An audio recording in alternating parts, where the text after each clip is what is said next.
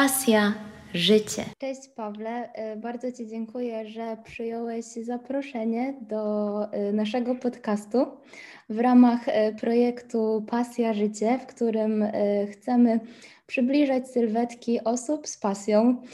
Niewątpliwie widzę Cię jako człowieka z ogromną pasją, dlatego bardzo się cieszę na to spotkanie i dzięki właśnie za przyjęcie zaproszenia.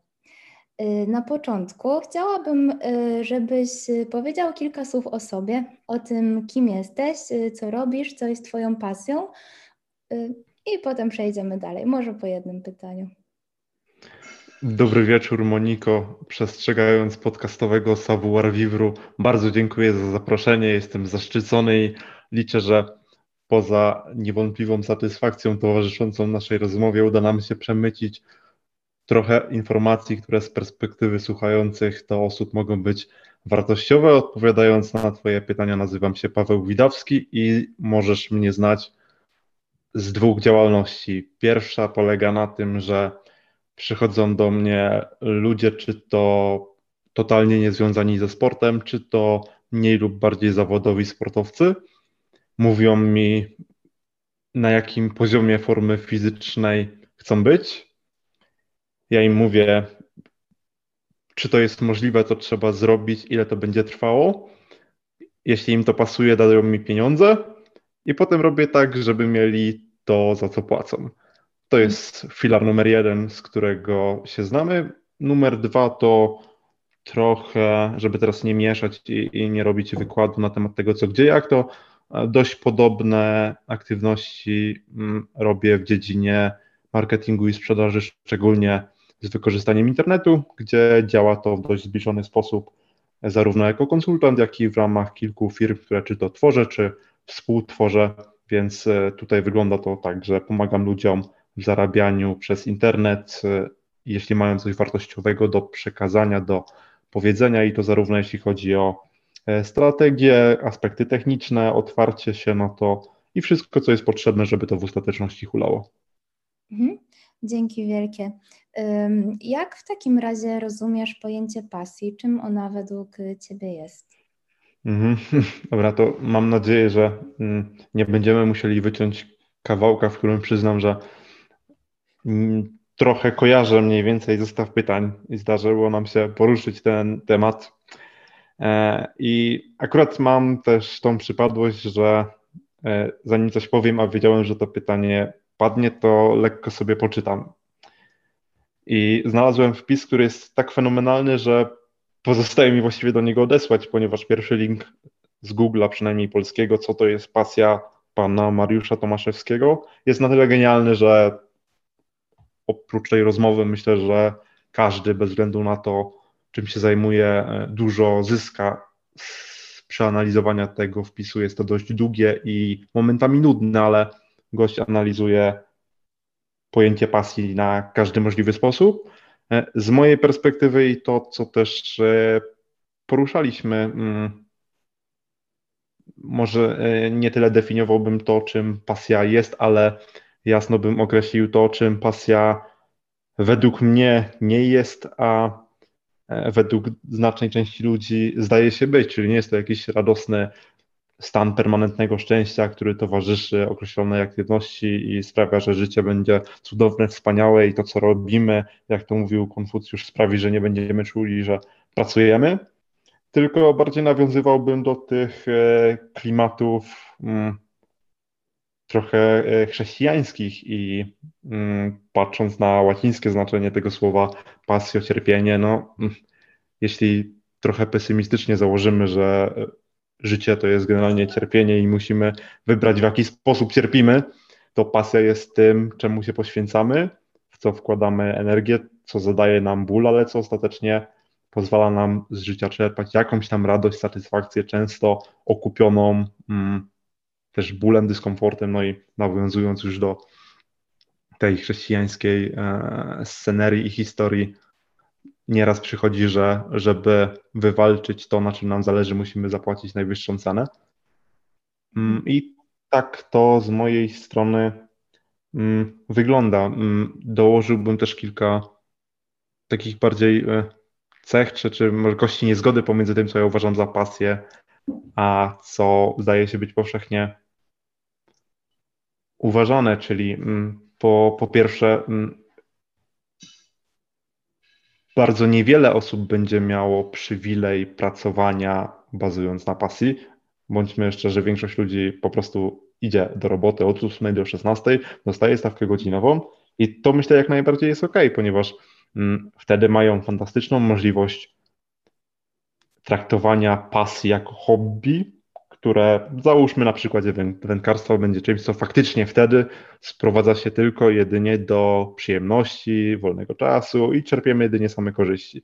No ale w momencie, gdy na przykładzie tego wędkarza e, postanawiamy poświęcić się wędkarstwu na 100%, zaczynamy czytać o wędkarstwie, zaczynamy jeździć na zawody wędkarskie, e, zaczynamy mieć gorsze kontakty z rodziną, problemy finansowe, czy zaczynamy widzieć, że nasze życie prywatne, zawodowe kręci się wokół ryb i siedzenia w krzakach, no to mm, być może znajdzie się część osób, która będzie w pełni szczęśliwa, ale raczej e, część wędkarzy w tym wypadku nie będzie zawsze entuzjastycznie wypowiadała się w temacie tego, co robi, mówiła o tym, jak to nie pracuje, jak to to uwielbia, jak to wygrało życie, bo może robić to, co się kocha, tylko raczej będzie marudzić. I mi jest to znane szczególnie z zawodowego sportu, gdzie widzę tutaj taką bardzo dużą rozbieżność pomiędzy mediami społecznościowymi, szczególnie Instagramem i koloryzowanym cukierkowym życiem, versus to, to jest e, naprawdę mm, sytuacje, gdy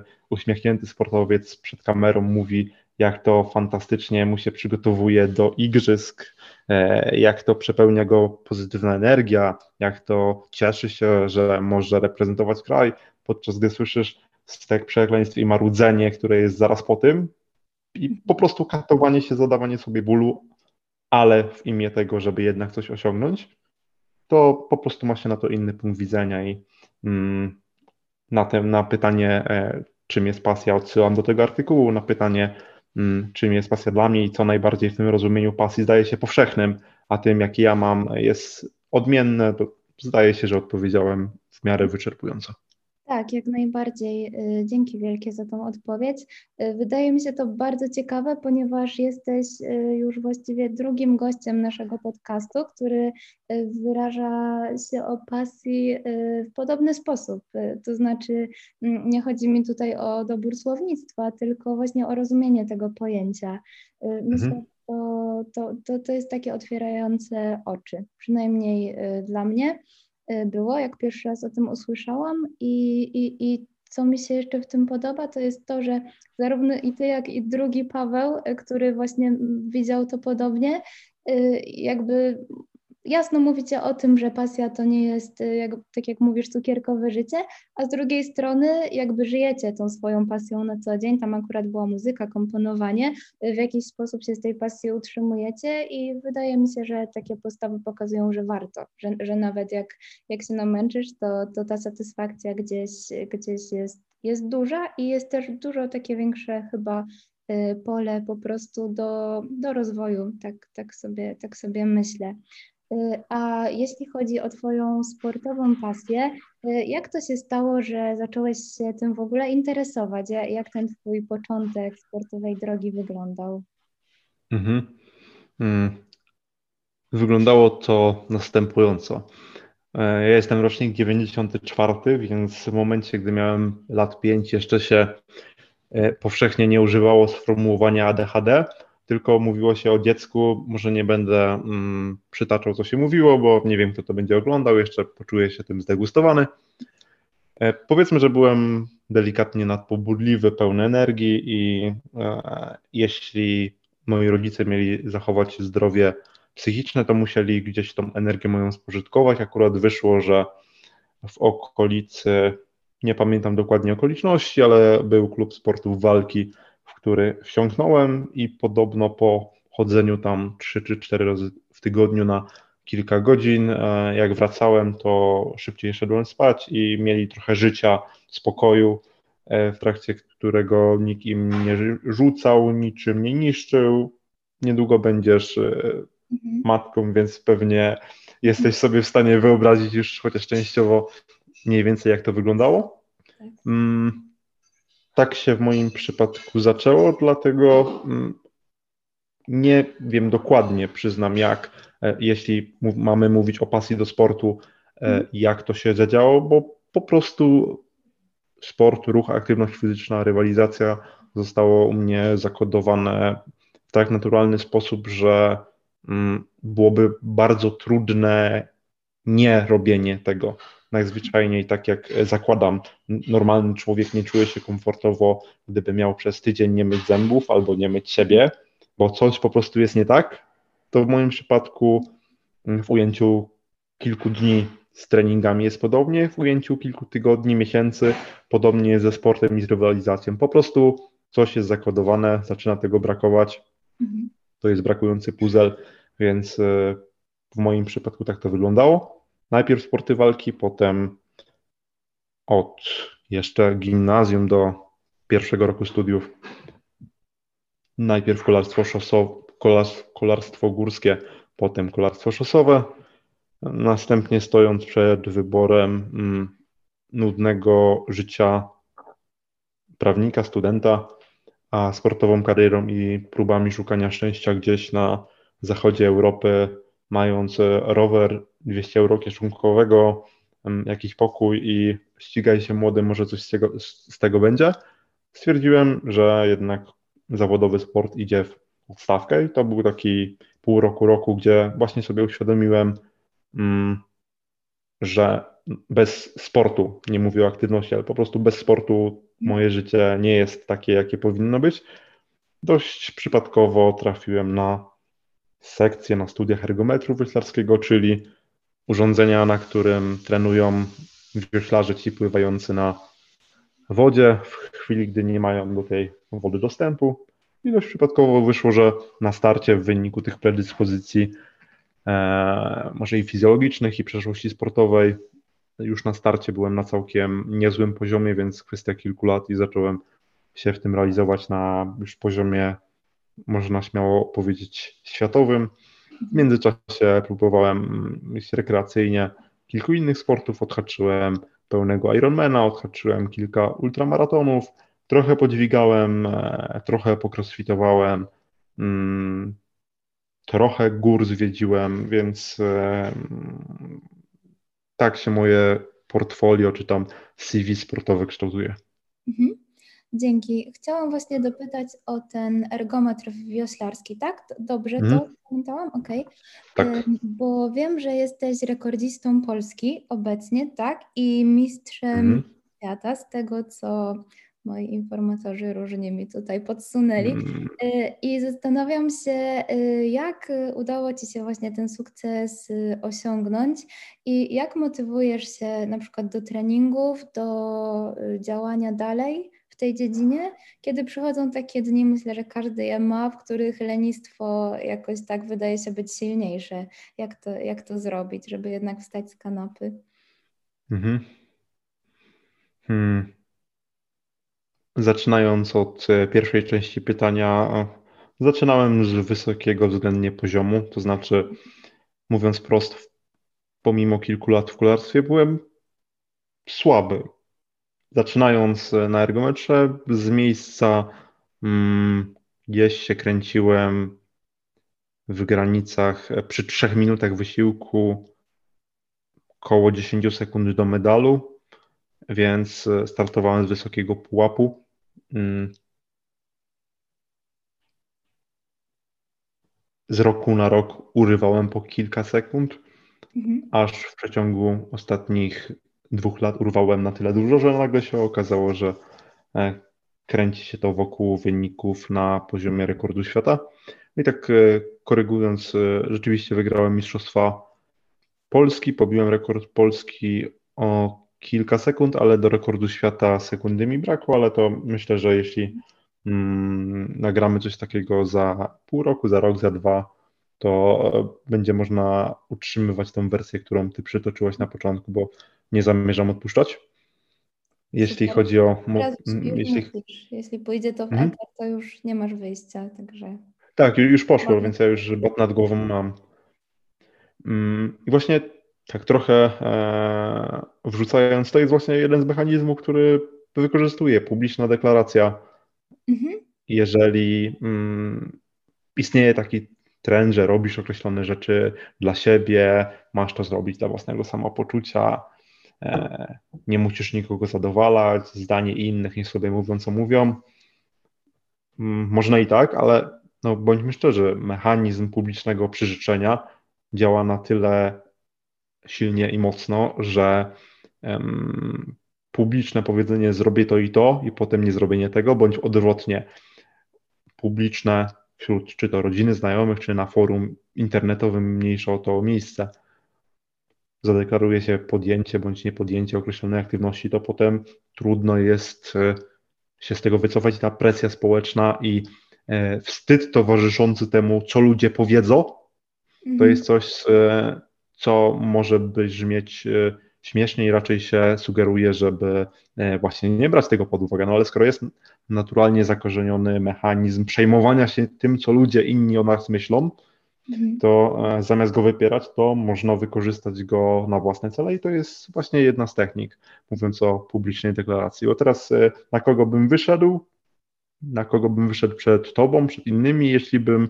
za pół roku, rok e, stwierdził, że nie, rozmyśliłem się, wiesz, co by było, nie? Wiesz, jak traktujesz takie osoby, które publicznie coś mówią, a potem robią coś zupełnie innego. Mają jakichś obietnic czy, czy deklaracji. Tak, myślę, że, że to jest ważne szczególnie w Polsce, tak, to znaczy to jest moja taka mm, prywatna teza, ale, ale w naszej kulturze jest bardzo ważne przecież yy, samo zachowanie twarzy, prawda? W sensie boimy się mm, tego. Opinia, renoma, honor. Tak, mm. boimy się utraty twarzy, a wydaje mi się, że to jest tak bardzo jednoznacznie powiązane z niedotrzymywaniem też właśnie takich deklaracji, szczególnie tych właśnie złożonych publicznie, tak jak mówisz. Y, okej, okay, mhm. dzięki bardzo. Y, jeszcze chwilkę chciałam ten wątek sportu pociągnąć, dlatego że y, gdzieś mogę powiedzieć z doświadczenia naszej współpracy na treningach, ale także gdzieś z Twoich materiałów, czy na stronie internetowej, czy w social mediach, że mm, podchodzisz do sportu, do aktywności fizycznej, jak mówiłeś, w taki bardzo interesujący sposób. Y, z którym na przykład ja po raz pierwszy się spotkałam, tak no mogę tak powiedzieć, że po raz pierwszy, y, że traktujesz y, swoich klientów i w ogóle całe podejście do aktywności tak bardzo holistycznie. To znaczy mm, nie, nie reklamujesz swoich usług hasłem y, chodź, zrobię z ciebie dobrze uformowaną osobę, tylko mówisz, że zmieniasz ludzi myślenie, zmieniasz podejście do życia, właśnie, właśnie też do ciała i zastanawiam się jakby skąd to wynika, z czego to wynika i, i skąd może taki pomysł, jak to jest, że działasz właśnie troszkę in, inaczej niż y, taka powiedzmy y, przeciętna osoba, którą kojarzymy z trenerem personalnym? Mm, myślę, że wynika to z kilku powodów, zaczynając od potrzeby po prostu wyróżnienia się e, na rynku i e, nie ukrywajmy, że mm, przynajmniej kilka lat temu hasło holistyczne podejście brzmiało, przynajmniej w moim mniemaniu, wtedy na tyle interesująco, że uznałem, że warto w ten nurt iść. Kwestia druga to fakt, bo tak należy to postrzegać, że w tym całym e, trenowaniu i sporcie nie chodzi tylko o trenowanie i sport i nie sprowadza się to jedynie do przerzucania e, żelastwa mm, i nie samo, mm, sama wiedza dotycząca tego, jak przerzucać jest tym, za co ludzie są gotowi płacić oraz nie z tym mają problem, ponieważ w kwestii zdrowia sportu na dobrą sprawę rada pod tytułem po prostu jedz w miarę zdrowo i coś tam się ruszaj, mhm. to po odpowiednim zastosowaniu 80% osób, które ze mną współpracują, byłoby zadowolone i osiągnęło satysfakcjonujące efekty, gdyby tylko ją wdrożyło. Bo na dobrą sprawę, większość ludzi wie, co powinno robić, wie, jak powinno jeść. Raczej e, nie będzie innowacyjnym stwierdzenie, że ktoś ma trzy razy w tygodniu iść pobiegać, robić tam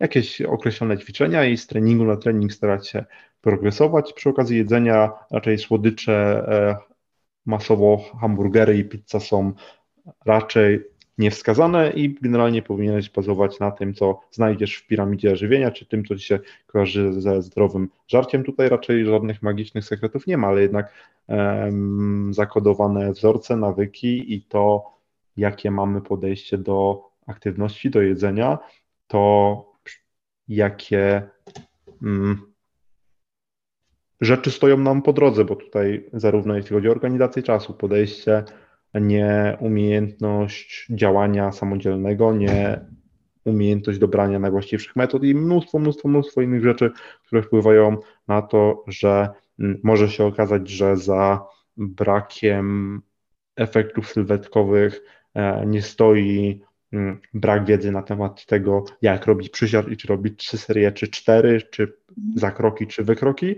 tylko e, kwestie niewłaściwych przekonań dotyczących ruchu w ogóle, czy własnego ciała wywodzących się jeszcze z dzieciństwa, czy cholera wie kiedy. Kwestia mm, nieumiejętności znalezienia takiej aktywności, która po prostu będzie dawała chociaż na miastkę satysfakcji.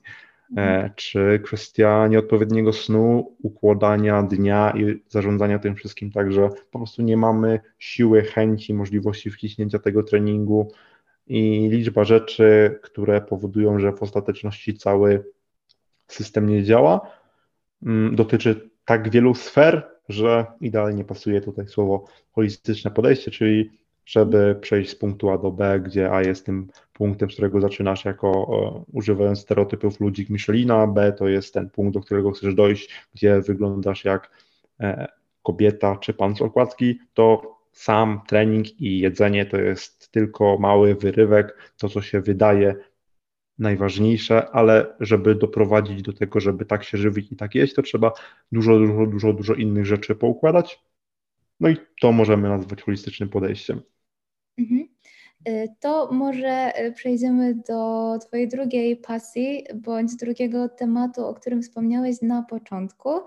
Y, chciałam zapytać, skąd połączenie, skąd pomysł na połączenie zawodu trenera personalnego z tą drugą działalnością, z marketingiem, z szeroko rozumianą działalnością w internecie? Hmm. Zastanawiałem się i hmm, to wiem, że to nie będą satysfakcjonujące Cię odpowiedzi, ale nie ma tutaj pięknej historii, po prostu przypadkiem tak wyszło. Jeśli chodzi o pracę trenera personalnego, przynajmniej u mnie to hmm, sytuacja wyglądała tak, że zaczynając w 2015 roku w większej siłowni, jaką było wtedy Jatomi Fitness, wcześniej Piór, raczej z nazwą Piór Mm, kojarzy się w większości ten obiekt, bo po rebrandingu rok, dwa i się zwinęli. Okazało się, że w praktyce o, o sukcesie trenera decyduje nie tyle jego wiedza i umiejętności dotyczące treningu czy diety, ale przede wszystkim umiejętności, umiejętności sprzedażowe, czyli kwestia tego, żeby znaleźć człowieka i sprawić mówiąc wprost tak, żeby on chciał z nami trenować, chciał dawać nam pieniądze za to, że my mu pomagamy. I tak to mm, wyglądało wtedy. Trener był rozliczany głównie na podstawie Excela, miał po prostu dla firmy dostarczyć zysk. Ja byłem w tym tragicznie słaby. Powiedziałbym, no nie ukrywam raczej, że byłem w sumie najgorszy patrząc na statystyki wtedy, to e, pamiętam, że żeby znaleźć jedną osobę do współpracy, musiałem zrobić bezpłatnie średnio 27 albo 28 darmowych treningów, co było najgorszą statystyką wśród tam 10 czy 15 mhm. osób. E, no ale w sumie stwierdziłem, że mm, od początku nie uważałem, żebym był jakoś e, specjalnie głupszy, gorszy niż te osoby, którym szło lepiej, więc zacząłem czytać. To zaczęło działać. Mhm. Stwierdziłem, że to jest całkiem fajne. Stwierdziłem, że to może pomóc mi w zarabianiu pieniędzy, a to się zawsze może przydać, więc ciągnąłem to, ciągnąłem to i kwestie czy mechanizmy wywodzące się ze sprzedaży bezpośredniej potem trochę rozszerzyłem o to, co można zrobić za pośrednictwem internetu. Mhm wyszło z czasem, że mm, te same problemy, które ja miałem, mieli inni trenerzy, którym miałem okazję pomagać i okazało się, że też idzie mi to całkiem nieźle i te błędy, które ja popełniałem, e, popełniają oni również, więc mogłem oszczędzić im kupę czasu, kasy i frustracji, bo schemat przy okazji konstruowania planu treningowego, uczenie przysiadów, uczenie tego, jak pozyskiwać klientów, to wszystko są procesy, schematy, które z boku może wyglądają jako jakiś talent, coś magicznego, coś do czego trzeba mieć predyspozycję, ale to jest umiejętność y, bardziej skomplikowana niż obieranie ziemniaków, ale jednak podobnie nauczalna i możliwa do rozpisania, więc nie trzeba mieć e, żadnych wyjątkowych umiejętności, tylko wiedzieć, co tam trzeba po kolei robić i nauczyć kogoś, żeby te rzeczy robił. Tyle. Mhm. Okej, okay, rozumiem. A chciałam Cię właściwie zapytać, y, jak znajdujesz czas na to, żeby łączyć tak naprawdę jakieś takie dwie zawodowe nogi ze sobą w ciągu jednej doby, y, ale myślę, mhm. że trochę to pytanie przekształcę. Z jednej strony jestem ciekawa, jak to robisz, bo wydaje mi się, że masz dosyć takie niestandardowe podejście do w ogóle patrzenia na, na czas. Y, ale może nie wiem, czy będziesz chciał o tym opowiedzieć, czy nie. Jeśli chcesz, to chętnie posłuchamy. A z drugiej strony, mm, co byś powiedział y, właśnie takiej osobie, która, która gdzieś y, ma dwie pasje, próbuje jakoś je połączyć, właśnie też w tej sferze zawodowej, no ale mówi, że jednak, kurczę, no to się nie da, nie, nie mam czasu, bo tak podejrzewam, że powiedziałbyś coś takiego, żeby jednak ten czas znalazła. E, dlatego jestem ciekawa, e, co, co, co sądzisz na ten temat. Mhm. Tu e, zaskoczę Cię, bo stwierdziłbym, że jeśli uważasz, że nie ma czasu i robi dwie rzeczy, to doradziłbym, masz rację, że nie masz czasu, rób jedną, to będziesz miał więcej czasu, będziesz lepszym ekspertem w jednej dziedzinie, będziesz miał z tego więcej satysfakcji i ogólnie przez, przejawi się szybko, przełoży się to szybko dość na Twój komfort życia, bo jednak e, standardową radą. Hmm? No? E, nie, to jest, sorki, że Cię słowo, ale to jest bardzo ciekawe, bo zazwyczaj mówi się, jeśli tak mówisz, to dołóż sobie jeszcze jedną rzecz, no nie? I gdzieś na przykład u mnie się, się to sprawdza, więc to jest bardzo ciekawe. Okej, okay, kontynuuj. Mm, wiesz co, tak dość ogólne pytanie i wiadomo, że można to różnie rozumieć w zależności od tego, co znaczy dużo na głowie, co znaczy mało na głowie. Jeśli zakładamy E, czysto teoretycznie, że mamy e, studenta, który studiuje zaocznie i to jest jego jedyne zajęcie i on ma mm, do wyboru albo mm, pasja pod tytułem e, montaż filmów na YouTubie, albo pasja czytanie książek i twierdzi, że nie wie co wybrać, bo ma mało czasu, to wtedy bym zaryzykował, że rzeczywiście podejście, które proponujesz, może być dobrym. Jednak mhm. na etapie doradztwa przy okazji prowadzenia biznesu czy budowania kariery, to uważam, że skupienie się na jednym po prostu będzie lepsze. Tylko w moim przypadku próbowałem i nie wiem z czego to wynika, ale po prostu bardzo nie lubię skupiać się monotematycznie tylko na czymś jednym i to po prostu nie pasuje.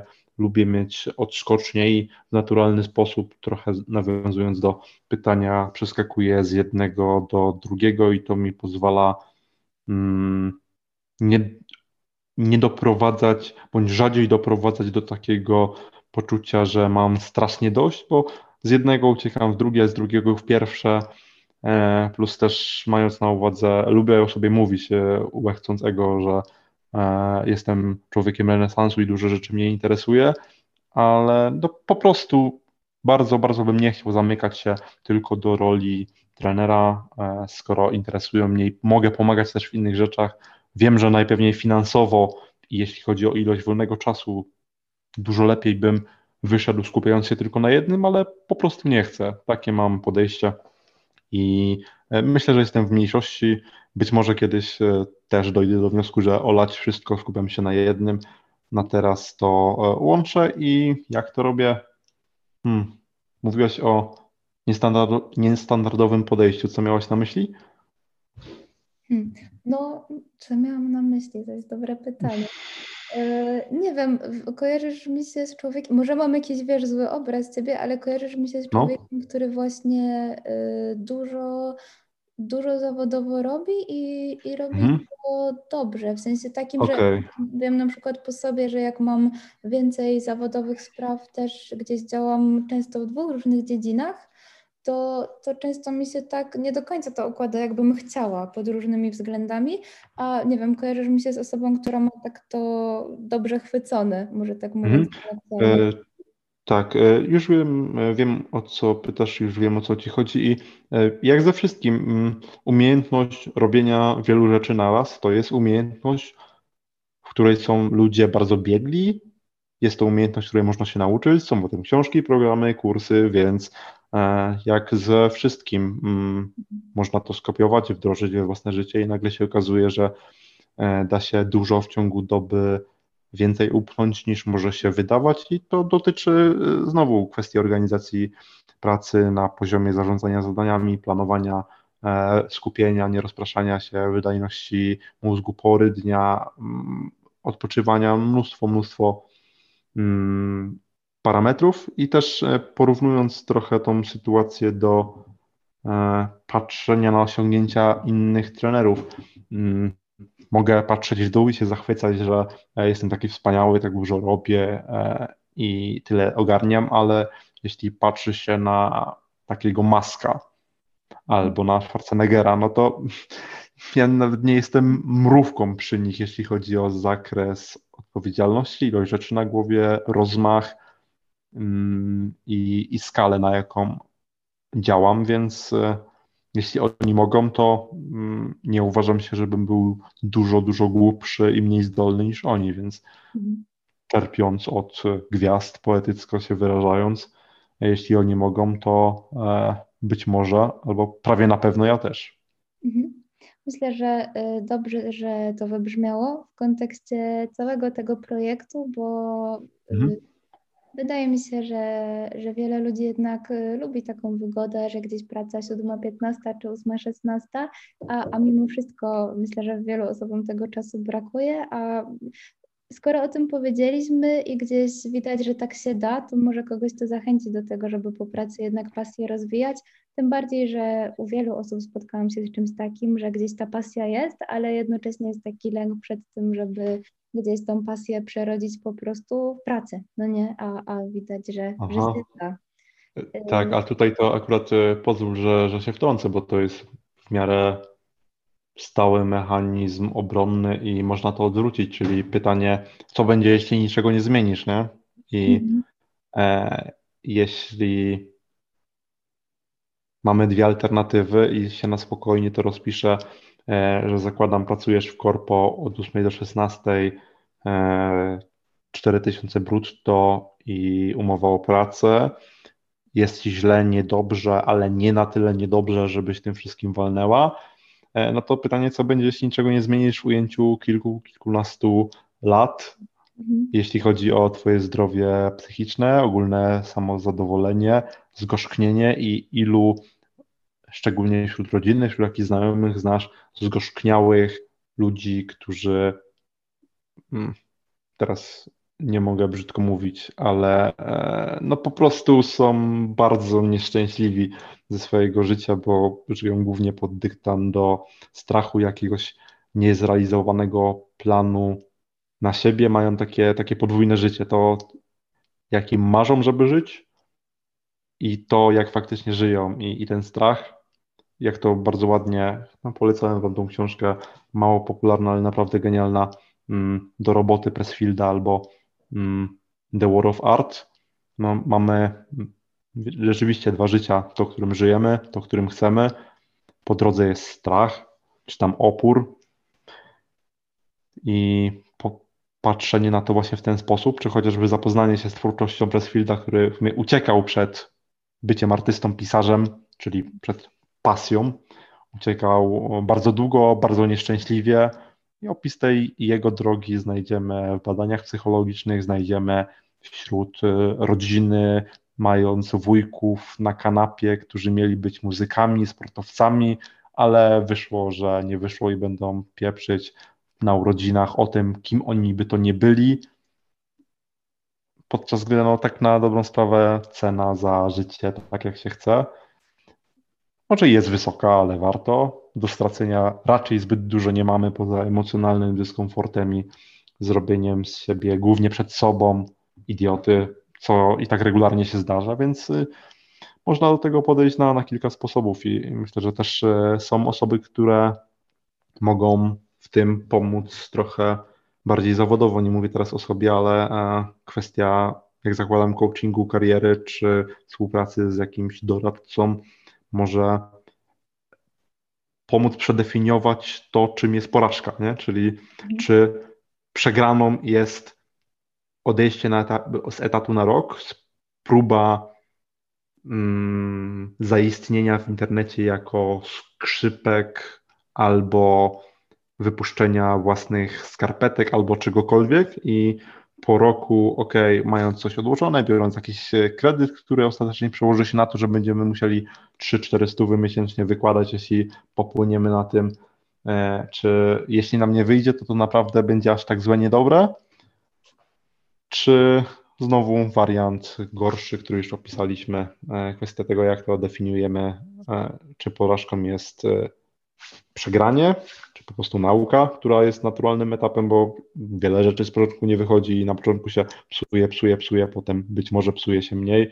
Prędzej czy później to zacznie wszystko wychodzić. Na przykładzie e, mojej pracy jako trenera personalnego byłem tragiczny i z tej rzeczy, w której byłem tragiczny, e, potem zacząłem szkolić i okazało się, że e, robię to bardzo dobrze. Tutaj może być podobnie, więc według mnie przegraną jest niepodejmowanie próby nawet pod wpływem strachu, no ale to już e, kwestia, którą każdy sam ze sobą musi szczerze przegadać, być może z pomocą kogoś, kto e, pomoże w podjęciu decyzji, patrząc na to z innej perspektywy i zadając właściwe pytania. Mhm. Y, to ja może od siebie dodam, że jeśli ktoś z naszych słuchaczy tutaj poczuł się zainspirowany tą wypowiedzią Pawła i chce zacząć coś, coś zmieniać, to y, polecamy treningu Pawła. Kraczać... No się dobrze. jak, tak, tak jest moje zdanie, że jak już się zacznie przekraczać te swoje fizyczne granice i na początku się umiera na treningu, a potem jest coraz łatwiej i łatwiej, aż są widoczne pierwsze efekty, to jakoś w głowie te granice też się przedstawiają, to znaczy jakby ma się po prostu poczucie większej sprawczości, nie mówiąc o takim zwyczajnym poczuciu pewności siebie, którego się nabiera przy, przy właśnie y, czy jakiejś utracie wagi, czy, czy budowaniu formy, także myślę, że to jest dobry y, pierwszy krok. Y, myślę, że będziemy powoli zmierzać ku końcowi. I na podsumowanie tego wywiadu chciałam Cię zapytać, co dzisiejszy Paweł powiedziałby sobie samemu na początku właśnie tej swojej drogi, lub jeśli przyszedłby do Ciebie jakiś młodszy kolega czy koleżanka i powiedział, y, chcę być za 5-7 lat tam, gdzie jesteś Ty, albo, albo po prostu podziel się ze mną wiedzą, jak to zrobiłeś, czy jeśli chodzi o sport, czy o marketing, to co byś właśnie takiej osobie lub sobie samemu powiedział? Odesłałbym go do postu na Instagramie, który napisałem Oj. dwa lata temu, dzień po 25 urodzinach, który brzmi, no mniejsza o to jak brzmi, ale tam są właśnie moje e, mądre rady na temat tego, e, czego się nauczyłem i e, rzadko jest tak, że jak coś czytam co kiedyś napisałem albo stworzyłem, to mi się to podoba. Z reguły, jak to czytam albo słucham, to mam ochotę się zastrzelić albo wyskoczyć z okna, ale po blisko dwóch latach z tego wpisu dalej jestem dumny. Jest piękne czarno-białe zdjęcie, na którym piję kole zero i mam czapeczkę z flamingiem. Mm, jeszcze, jeszcze tego nie usunąłem i tam są te rady, do których dołożyłbym e, jeszcze na, na teraz e, to, co rzuciłem E, w wywiadzie, w rozmowie z Tobą na temat przedefiniowania porażki mm, i taka mm, być może dla osób mających permanentne poczucie niższości, gorszości, które nie ukrywam też mi większości towarzyszy i towarzyszy dalej, teraz pewnie w dużo mniejszym stopniu, ale ten kompleks niższości zawsze był, jest i chyba u większości osób jest naturalny. Nie ma co tego demonizować. Daj mi chwilę, dobrze? Mhm, spoko, spoko. Start. Po małej, niespodziewanej przerwie wracam do rad, które sam bym sobie udzielił. E, myślę, że dołożyłbym też takie spostrzeżenie, może niepoprawne politycznie, ale e, dotyczące tego, że w większości te osoby, które są stawiane na piedestale i patrzysz na nie jak na niemalże półbogów, wcale nie są tak fantastyczne i doskonałe, jak może się wydawać. I e, no, mówiąc wprost, w większości są one e, bardzo, bardzo, bardzo niedoskonałe i dojście do reprezentowanego przez nich poziomu często jest dużo prostsze niż może się wydawać. Pewnie poleciłbym też sobie kilka bądź kilkanaście książek, w zależności od e, tego, co uznałbym wtedy za, za najbardziej wartościowe. Kilka być może bym mm, sobie odradził.